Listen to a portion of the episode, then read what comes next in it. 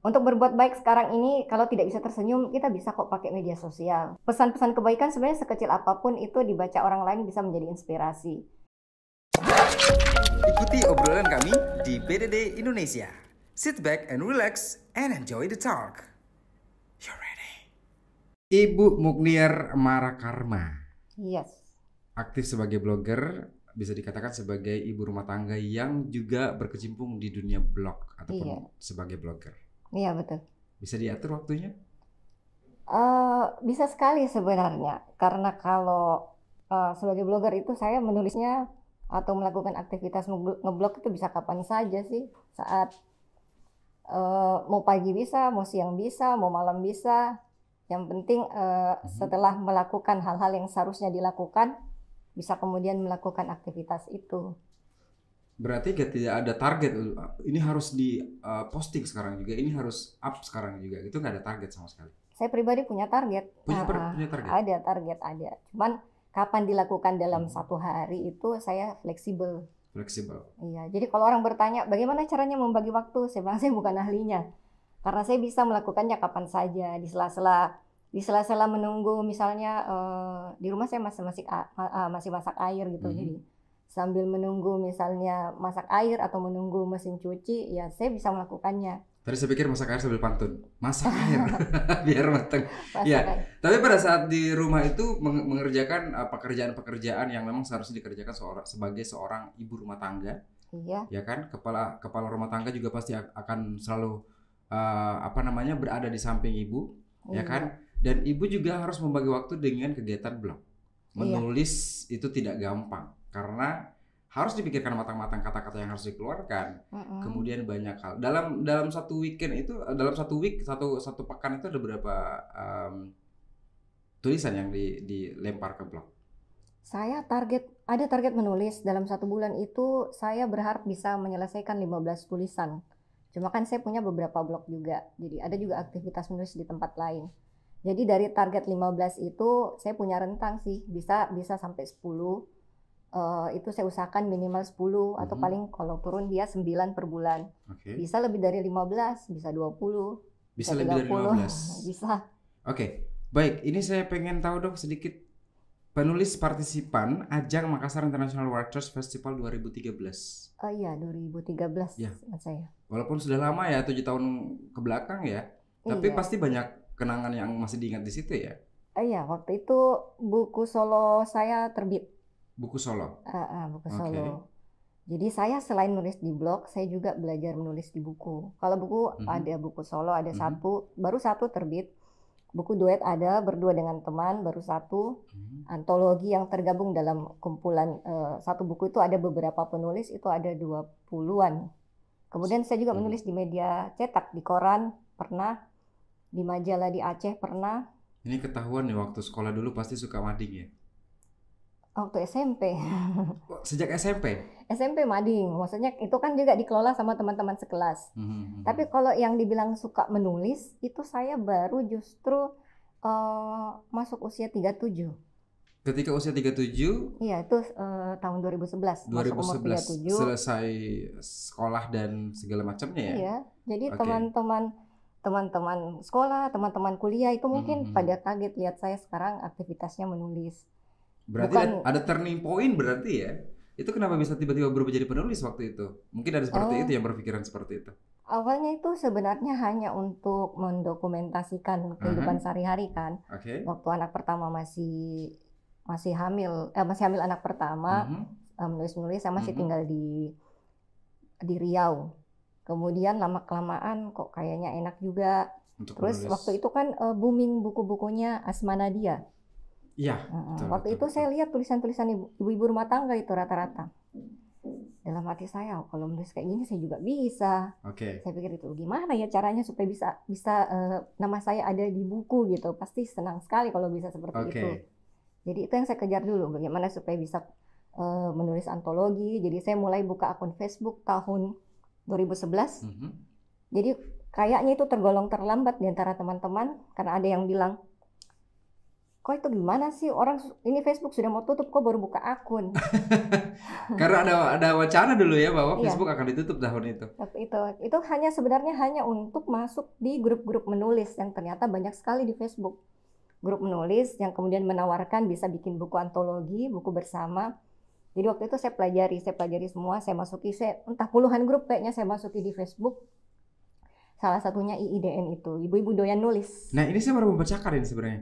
Ketua Presidium Korwil IIDN, ibu-ibu doyan nulis. Terus terang kalau saya pribadi setelah setelah membaca ini pertama kali, saya, berang- Iya. saya berang- beranggapan bahwa ini beneran ada ibu-ibu doyan nulis atau cuma sekedar uh, grup-grup ibu-ibu arisan gitu kan yang tidak diseriusin atau ini memang memang sangat serius ya memang serius. jadi grupnya itu 2010 terbentuk itu di Bandung jadi 2010 di Bandung. Oke. basisnya di Facebook sebenarnya Sekarang itu sudah ada dua sekitar 25 wilayah itu Mhm. ada koordinatornya termasuk di luar negeri. Itu perempuan Indonesia eh, saya bisa bilang ya di seluruh dunia berarti. Mhm, mhm. Eh, selain ibu-ibu ada juga yang eh, gadis-gadis ada juga bergabung di IDN. Jadi kegiatannya targetnya itu sebenarnya bagaimana ibu-ibu ini bisa produktif menulis buku. Tapi sebenarnya kegiatan menulisnya bisa apa saja, termasuk ngeblog, termasuk mungkin yang suka menulis em, puisi. Jadi macam-macam. Mhm. Kalau sekarang itu total anggotanya sekitar 25 20 ribuan lebih seluruh eh, seluruh dunia lah ya. Ini berarti banyak ya ternyata ibu-ibu yang doyan nulis ya kalau Banyak. dipikir ya.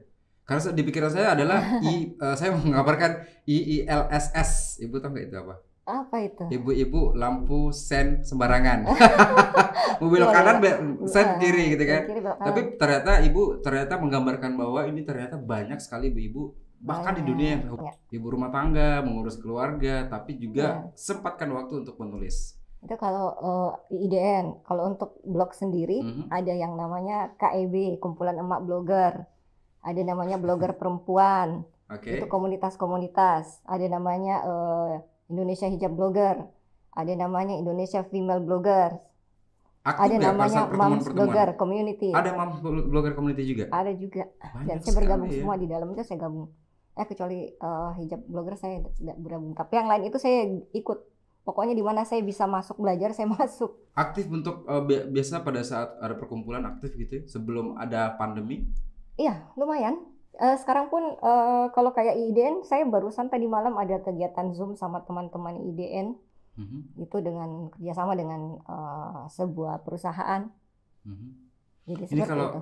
kalau biasanya ya ibu-ibu arisan itu kan identik ya mohon maaf ya ini Heeh. ini menurut masyarakat umum biasanya yang yang termasuk saya sebagai orang awam ibu-ibu arisan identik dengan gosip Gosip. ya kan kalau IDN ini sendiri pada saat kumpul ngebahas apa aja apakah bahas masalah referensi buku kah atau apa Bisa apa saja. Jadi bisa dari buku, ya biasa ibu-ibu lah. Bisa dari ke buku, dari buku ke anak-anak, dari anak-anak ke ya bisa kadang-kadang membahas politik tipis-tipis, bisa bisa apa saja. Ya namanya perempuan kan katanya perempuan itu dalam satu hari itu membutuhkan mengeluarkan sekian ribu kata ya. Saya lupa itu berapa betul betul. Tepatnya. pokoknya yang saya tahu adalah perempuan itu lebih banyak kata yang keluar daripada Iya, laki-laki gitu ya.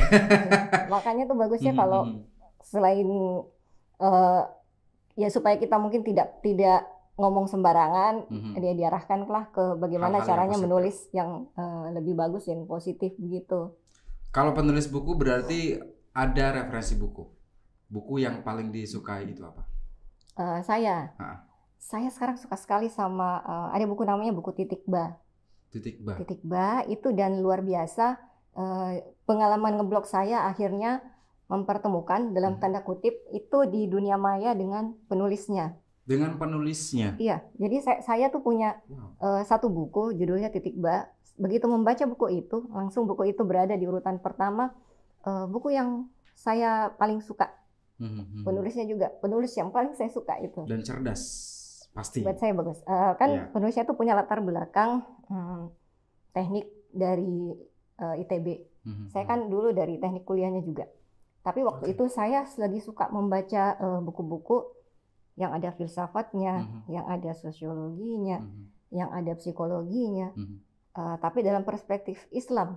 Dan di buku itu ada semua, Di buku itu ada semua. ada semua. Dan saya langsung jatuh cinta begitu baca bukunya. Berarti ada chapter pertama sampai terakhir pun sudah dikuasai semua isinya ya. Saya baca pelan-pelan. Jadi supaya bisa saya renungkan itu saya baca saya saya diam dulu saya renungkan lagi itu sampai itu bukunya tebal hampir 400 halaman Mhm. habis dalam waktu enam bulan karena bacanya pelan-pelan nggak bisa cepat Ada ada ada buku yang membuat pada saat eh, ibu baca tiba-tiba nangis gitu karena ter- terhanyut dengan bacaan itu. oh kalau buku yang kayak itu itu eh, yang karya Andrea Hirata Laskar Hmm, Pelangi hmm, Laskar seperti Pelangi. itu. Yes. saya sukanya buku-buku itu yang non fiksi non fiksi. non fiksi Kita berbicara masalah buku dan yang difilmkan sekarang. Ya kan kalau buku tadi beberapa buku referensi buku yang sudah dibaca sebelum mul- memulai menulis di blog dan sebagainya. Laskar Pelangi salah satu buku yang akhirnya difilmkan. Mm-mm, Saya pengen iya. tanya satu, nonton filmnya juga? filmnya ya Nonton. nonton Ada kesamaan dengan di buku? Atau justru ada banyak perbedaan yang di buku dan di film? Eh, kalau saya pribadi menikmati sih mau itu berbeda mau itu sama Mhm. saya tidak nggak begitu pusing karena mereka itu yang menulis buku kemudian yang memproduksi film itu kan orang berbeda Mhm. orang yang memproduksi film itu harus dihargai juga karena pasti punya eh, imajinasi sendiri Mhm, punya mhm. skenario sendiri punya bayangan sendiri gitu jadi kalaupun ada yang berbeda saya sudah tidak ingat lagi tapi mau itu berbeda atau mau itu sama kalau saya enggak, enggak saya enggak memusingkan hal itu karena saya sudah melihat memang itu dua hal berbeda Mungkin dikatakan bahwa menyalurkan cerita buku ke dalam sebuah film tapi dalam bentuk visual gitu ya. iya Dan dan, itu akhirnya- itu hal yang berbeda kan itu dua hal Yes. berbeda Ah, Oke, oke, oke, oke. iya Baik, saya pengen berbicara masalah keluarga dong. iya boleh Anak sudah ada berapa? anak tiga Tiga. Pernah protes nggak? Ah ini ibu nulis mulu nih. hmm, tidak sih Atau mereka justru suka ketika nulis, eh, ibu nulis, mereka juga justru samping ibu untuk ikut nulis juga. kadang-kadang duduk-duduk lihat-lihat eh, mamanya lagi ngapain Mhm. Terus kan kadang-kadang saya ada kerjaan juga yang bisa melibatkan mereka jadi bisa minta eh, foto bersama mereka misalnya seperti itu itu kan biasa ada ada imbalannya Mhm. ya mereka dapat bagian juga karena sudah buat bantu mamanya Berat jadi staff gitu ya, jadi karyawan sendiri gitu ya. bisa eh, bisa seperti itu kalau sama anak saya yang besar misalkan saya ikut lomba blog jadi saya suka ikut lomba blog juga Anak Jadi, pertama umur berapa? anak pertama eh, 19 sekarang 19 tahun. semester masuk semester 3 Bisa ketebak dong cewek ya. cowok Justru cowok, tapi aktif menulis juga. Eh, dia lebih ke ini sekarang dia kuliahnya ke desain grafis animasi desain. Wah, Ini Heeh. calon-calon orang kaya nih kayak gini nih. ya kan, desain grafis. dia ke Tidak situ. mudah dan duitnya banyak gitu, Bu. Kalau misalnya nanti amin pada saat amin semoga pada saat sudah sukses gitu kan, itu duitnya banyak Amin, ya kan. semoga. Saya punya teman yang eh, desain grafis seperti itu dan wow, Ini, a- ya tajir melintir kalau kata-kata Iya. orang seperti sekarang. Dan anak kedua umur anak kedua eh, 13 mau jalan 14 13 mau jalan 14. iya SMP SMP. SMP Cewek cowok? cewek Cewek. Yang terakhir yang terakhir cowok 10 tahun 10 tahun, berarti masih SD. masih SD Oke. Nah ini em, kalau yang pertama kan sudah sudah jelas ya desain Ya. grafis dunianya. Anak yang kedua, apakah akan diarahkan menjadi seorang penulis buku juga, atau justru mengikut ke bapak atau ke gimana? yang kedua yang jelas dia melihat apa yang saya lakukan. Eh, saya sih melihat potensi dia ke mana. Mhm. terus selanjutnya ke depan dia mau seperti apa ya nanti diikuti saja. So, karena seperti yang pertama juga kan dia mm, memang pilihannya ke arah situ. Mhm, mhm. jadi dia punya potensi ke mana nantinya dia ke situ. Kalau yang pertama ini saya mau cerita tadi sebenarnya. Jadi eh, dia membantu saya tuh beberapa kali jadi saya butuh konten video Mhm. misalnya kan untuk untuk di eh, blog Yes. atau dia dia bikinkan Dia yang desain. dengan dengan eh, dengan perjanjian bahwa kalau misalkan ini kita menang hadiahnya dibagi dua Oke oke oke. Ini seperti itu ini berarti ada eh, perputaran ekonomi gitu ya di keluarga ibu ya. Bahwa dari ibu ke anak, anak ke ibu saling membantu gitu kan, saling topang menopang dan ini mengajarkan anak-anak dengan edukasi seperti itu. Iya kan eh, kalau buat saya sih itu itu tandanya saya menghargai usaha mereka terus Yes. biar mereka juga eh, tahu dunianya ibunya seperti apa Dan mereka Gitu. akhirnya diajarkan bahwa begini loh kerjaan gitu ya. iya Pernah dikasih target gak ke anaknya? Ini harus jadi selesai harus selesai jam sekian, jam sekian pernah nggak? Eh, paling itu targetnya kalau memang sudah mau menjelang deadline lomba kalau lagi ikut lomba misalnya seperti itu Tapi kalau ibu sendiri pernah diminta untuk jadi eh, apa namanya speaker di satu seminar atau Oh, ada beberapa kali beberapa kali? Iya. di depan mahasiswa pasti ya Mahasiswa pernah mahasiswa-mahasiswa yang Mm. memang suka de- dengan hobi menulis juga waktu itu kayak apa ya kayak semacam kuliah tamu sebenarnya. Jadi eh, mahasiswanya itu sedang belajar tentang semacam entrepreneurship gitu. Mhm. Tapi eh, saya sebagai orang yang mungkin bisa memberikan wawasan tentang eh, dunia saya di dunia digital itu seperti apa yang bisa ke arah sana oke oke gitu. kalau sekarang ibu melihat sebagai penulis dan juga sebagai blogger ya kan kita melihat di Indonesia Mm-mm. penulis-penulis dan juga dunia blog itu seperti apa Indonesia sekarang banyak, makin lama makin banyak. Mhm. Um, tapi ada kami itu terbagi dua sebenarnya. Jadi ada yang memang kalau kayak saya konten, saya istilahkan blogger blogger konten. Ada yang blogger AdSense. Mhm. Jadi kalau kayak saya misalnya fokusnya di satu, dua, eh, saya punya, saya sekarang ini ada ada mungkin tiga, lima, ada lima blog, tapi saya lebih masih fokus di yang satu ini, satu Hmm. blog gitu. Jadi kami fokus di satu blog, kemudian mempelajari bagaimana caranya supaya eh, blog ini punya kualitas sehingga bisa banyak yang baca atau kalau ada rezeki bisa mudah mendatangkan rezeki seperti itu. Nah, kan ada juga blogger yang memang fokusnya ke AdSense gitu. oke Jadi oke. mereka beternak blog istilahnya beternak Mhm. bisa punya ratusan blog, Mhm. kemudian target satu blog pasang AdSense bisa menghasilkan berapa. Itu dua hal berbeda sih. Tapi kalau misalnya ibu lebih fokus ke satu blog aja gitu ya Saya tidak cenderung ke bukan yang beternak-beternak eh, itu bukan, saya cenderung ke konten memang eh, konten Mhm. yang saya usahakan ada pesan-pesan tersendiri sih seperti itu. Jadi kalau menulis bukan asal menulis. salah satu tuh apa Tulisan saya macam-macam. Yang terakhir ini yang terbaru itu eh, inspirasi dari dua orang perempuan Mhm. yang bergiat dengan daur ulang sampah.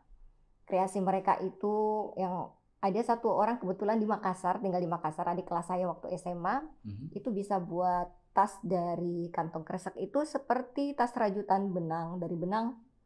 Kemudian bisa justru dari kantongan kresek itu Iya. bukannya gampang robek gitu ya entahlah bagaimana caranya, tapi itu Dari ada di blog saya di kreativitasnya dia tulisan gitu ya? Di tulisan saya yang terbaru ada. Kemudian saya eh, sebelumnya saya menulis tentang Safira Devi Amorita, Mhm. anaknya Kak Heru, Kak Heru Mhm. yang pendongeng itu. ya yang baru-baru juga datang di studi Ah, kita Iya, dia kan eh, video KKN-nya KKN daring. Mhm. Jadi karena dia mahasiswa hubungan internasional, dia membuat video KKN itu dengan eh, tiga eh, empat narasumber dari tiga negara berbeda. Mhm. Terus ada pesan-pesan pendidikan tentang protokol kesehatan, ada tentang eh, video animasi di dalamnya. Jadi hal-hal seperti itulah. Kemudian beberapa waktu yang lalu tentang adaptasi perubahan iklim, saya mengikuti acara eh, di Zoom. Mhm. Jadi ada kami dari komunitas komunitas itu waktu bergabung. Nah itu dituliskan pesannya. Jadi kerjasama dengan KBR waktu itu. Mhm. Beberapa hal, beberapa macam bisa juga. Pernah saya menulis tentang anak-anak juga, tentang isu sosial juga, tentang kalau kayak pandemi ini saya menulis sejak Januari sebenarnya waktu belum belum banyak orang bahas. Mhm. Itu sempat saya tulis juga Januari akhir Januari. Sampai sekarang ada beberapa tulisan juga kalau tentang pandemi.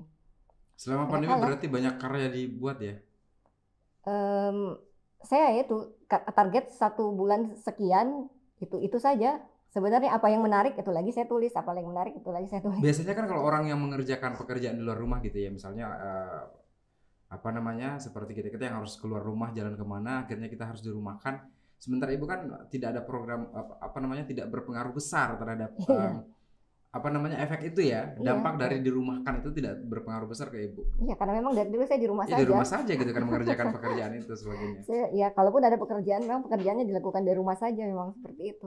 Tapi tetap menjaga protokol kesehatan sampai saat ini pun juga masih menggunakan face shield dengan segala Eh, macam tetap diusahakan. Kira-kira ada ada ada uh, ini enggak? Ada daya tarik enggak tersendiri dari studio kita? Ingin jadi di, di- diangkat di blog. Ya kan ini podcast pertama loh di. Iya menarik Di ya. Sulawesi ah, Selatan, ya kan? Tadi saya mulai tanya-tanya, saya juga di luar tadi. Juli. Ya, dari dari kacamata Ibu sendiri, podcast itu seperti apa dan BDD Indonesia itu seperti apa? Ah, podcast. Saya juga belajar bikin podcast. Jadi di postingan Instagram saya yang terbaru itu, saya ikut lomba ini loh, lomba podcast. Jadi ada infonya di Instagram saya, lomba Oke. podcast, ada Kementerian eh, Kominfo yang selenggarakan. Jadi saya belajar bikin podcast juga. Eh, Teman-teman yang dari dunia saya, dunia blog itu beberapa juga ibu-ibu juga mencoba Mhm. bikin podcast juga. Jadi kami eh, di Spotify, rekamnya pakai Anchor, Spotify, upload. Nah kemarin itu saya eh, belajar membuat podcast tapi di Instagram kan, jadi audiogram. Mhm, Jadi mhm, pakai aplikasi Headliner mhm. dan itu lumayan ber- berjam-jam saya kerjakan juga sampai pegel sendiri tapi saya senang gitu karena saya banyak belajar.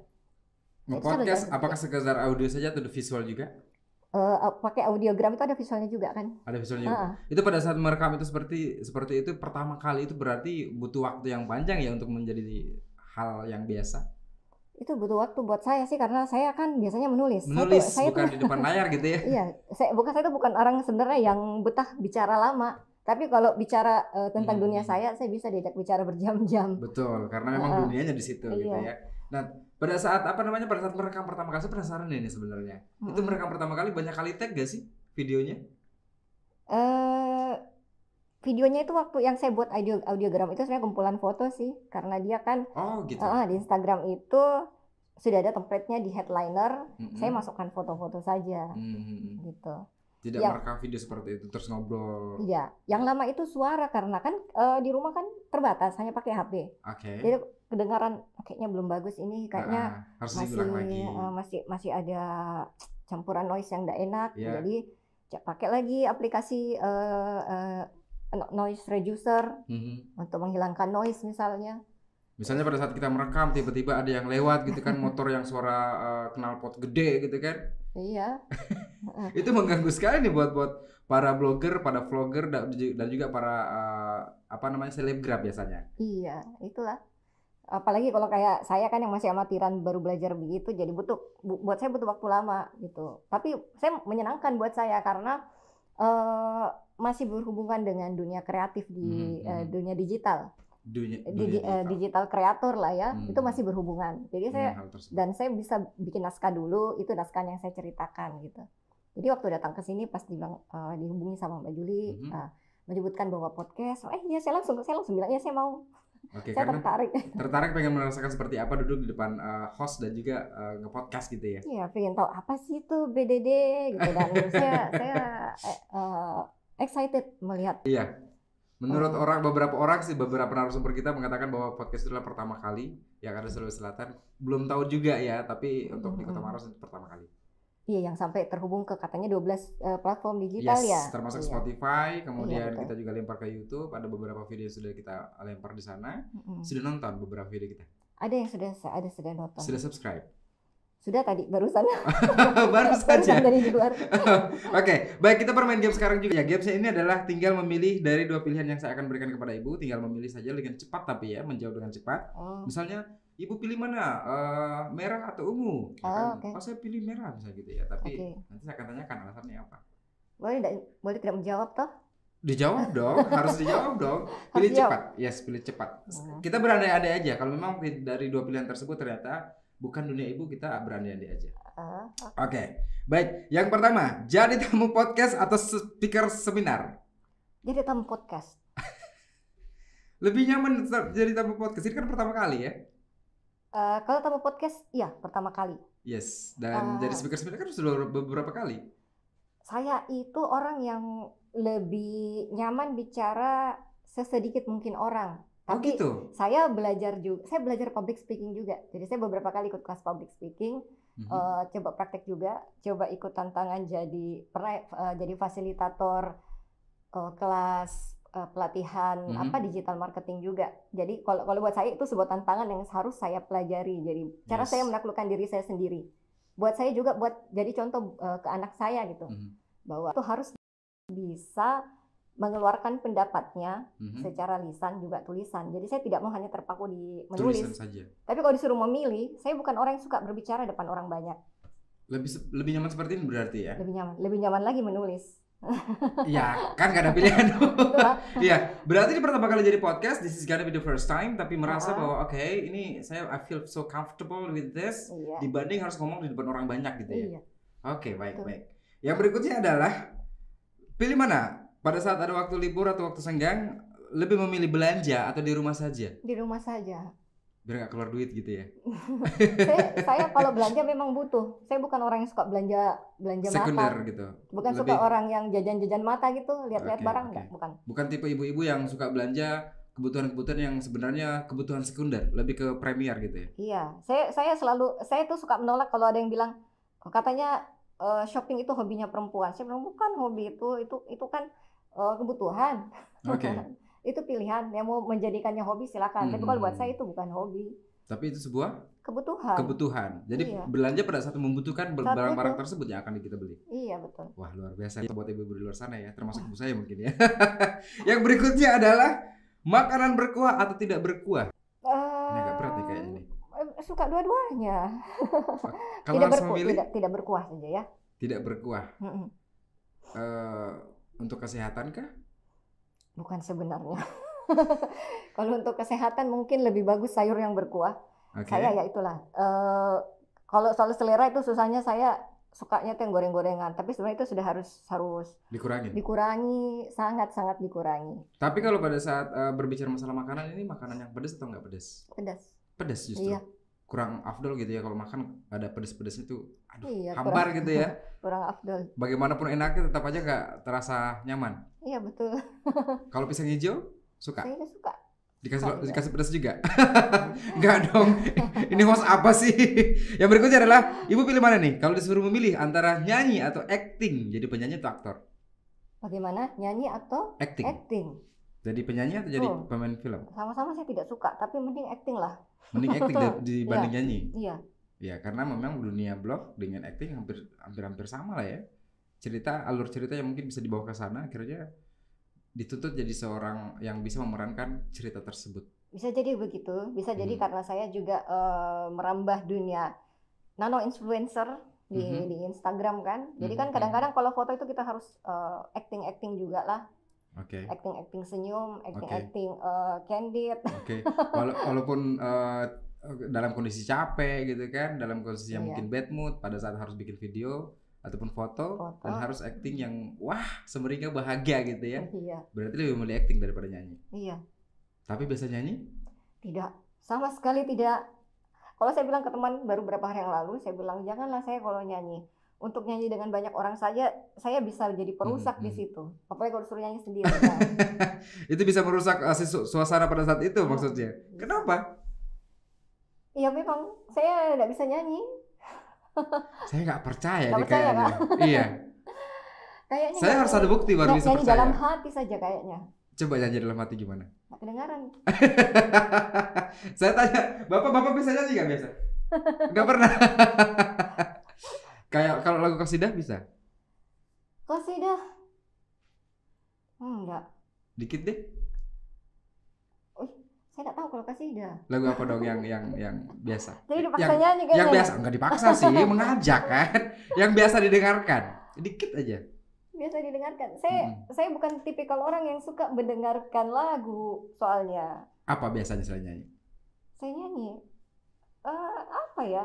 Saya biasanya kalau mengerjakan, eh, misalnya menulis kan, orang kan ada yang sambil Hmm. dengar lagu. Saya tidak, Memang tidak suka dengar lagu itu?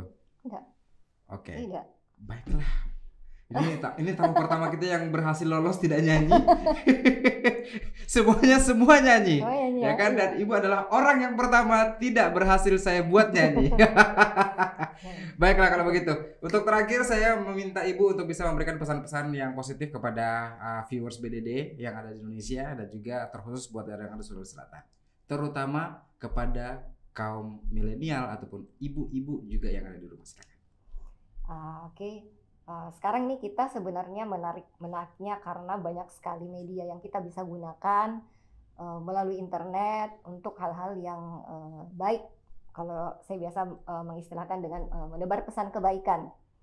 Jadi begitu gampangnya HP selalu ada di tangan. Begitu gampangnya itu pesan-pesan kebaikan sebenarnya bisa kita share ke orang-orang. Jadi untuk berbuat baik sekarang ini kalau tidak bisa tersenyum kita bisa kok pakai media sosial. Jadi pesan-pesan kebaikan sebenarnya sekecil apa pun itu dibaca orang lain bisa menjadi inspirasi. Kalau ibu-ibu saja berbagi soal resep masakan misalnya. Mhm. Walaupun ada sebagian orang juga yang nyinyir kok di, di pandemi seperti ini foto-foto eh, makanan katanya. Kalau buat saya pribadi itu justru bisa menjadi inspirasi buat ibu-ibu lain seperti itu. Jadi orang kalau melihat kan ya itu juga sih sebenarnya ya, kalau netizen yang julid-julid tapi kan kita tidak berniat seperti itu. Kalau yes. ada yang mau julid terserah lah. Tapi kalau berniatnya berbagi, berbagi cerita, berbagi kisah, sesederhana apa pun itu, itu sebenarnya buat orang lain bermanfaat.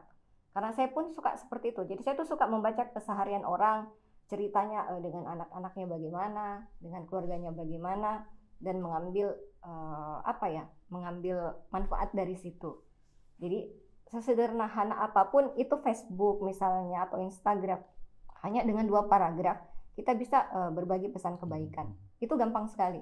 Apalagi kalau memang kita mau serius di dunia konten ya, kalau hmm. untuk menjadi blogger, untuk kemudian merambah menjadi vlogger, podcaster, hmm. seperti itu, itu mudah sekali karena aplikasi kan banyak yes. dan kita bisa pelajari. Tutorial ada di internet.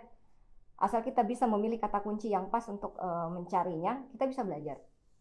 Jadi untuk ibu rumah tangga pun kayak sekarang ini sudah banyak yang uh, mau jadi blogger, yang mulai belajar. Hmm. Yang kayak saya itu banyak. Jadi yang memang setelah jadi ibu-ibu, setelah anaknya berapa, kemudian belajar menulis, menghasilkan buku, uh, punya sekian banyak uh, tulisan, kemudian bisa bekerja sama dengan brand-brand uh, uh, kayak endorse atau review di blog, di Instagram seperti itu. Itu banyak sekarang. Jadi peluang sebenarnya banyak gitu. Jadi di rumah saja pun kita bisa eh, berkarya, uh, berkarya dan menghasilkan dan juga produktif. Bisa. Ya. Bisa sekali. Saya menarik kesimpulan bahwa sebagai seorang blogger ataupun selebgram dan sebagainya yang di dunia digital, mm. kita harus siap dengan bijak dan dewasi tanggapan tanggapan negatif. Gitu ya. Iya. Walaupun tanggapan negatif dari netizen yang begitu banyak yang menjulit mungkin, tapi tetap harus menjadi seorang seseorang yang eh, memberikan dampak positif gitu ya ke banyak orang. Bisa, bisa sekali. Luar biasa. Inspirasi pada hari ini sudah hadir, menyempatkan diri waktu menyempatkan waktu untuk hadir pada uh, hari ini dan semoga nanti akan ada waktu lain kali kita akan undang lagi untuk hadir di studio kita di BD Indonesia. Amin, semoga. Sukses buat blognya. Jangan Amin. berhenti menulis, jangan berhenti berkarya dan menginspirasi Amin. banyak orang iya. dan juga memperkenalkan kepada anak-anak edukasi-edukasi yang positif. Dan satu lagi, saya doakan semoga ibu dan keluarga semua tercinta selalu sehat di tengah pandemi ini. Amin. Buat Itu BDD juga, penting. BDD mudah-mudahan sukses terus dengan podcast-podcastnya ke-12. Saya itu penasaran dengan 12 uh, eh, platform digitalnya itu gitu. Yes. Mau saya runut satu-satu nanti sebentar dulu. ini saya kok mengundang blogger begini nih. ya, mengundang blogger seperti ini. Tapi kita tunggulah kerjasama antara Ibu Mugner dengan kita ya, dengan uh, uh, BDD Indonesia. Antara okay. blog dan juga mungkin podcast bisa disatukan nanti. Terima kasih banyak saya lagi sudah hadir. Beda Indonesia, sampai jumpa.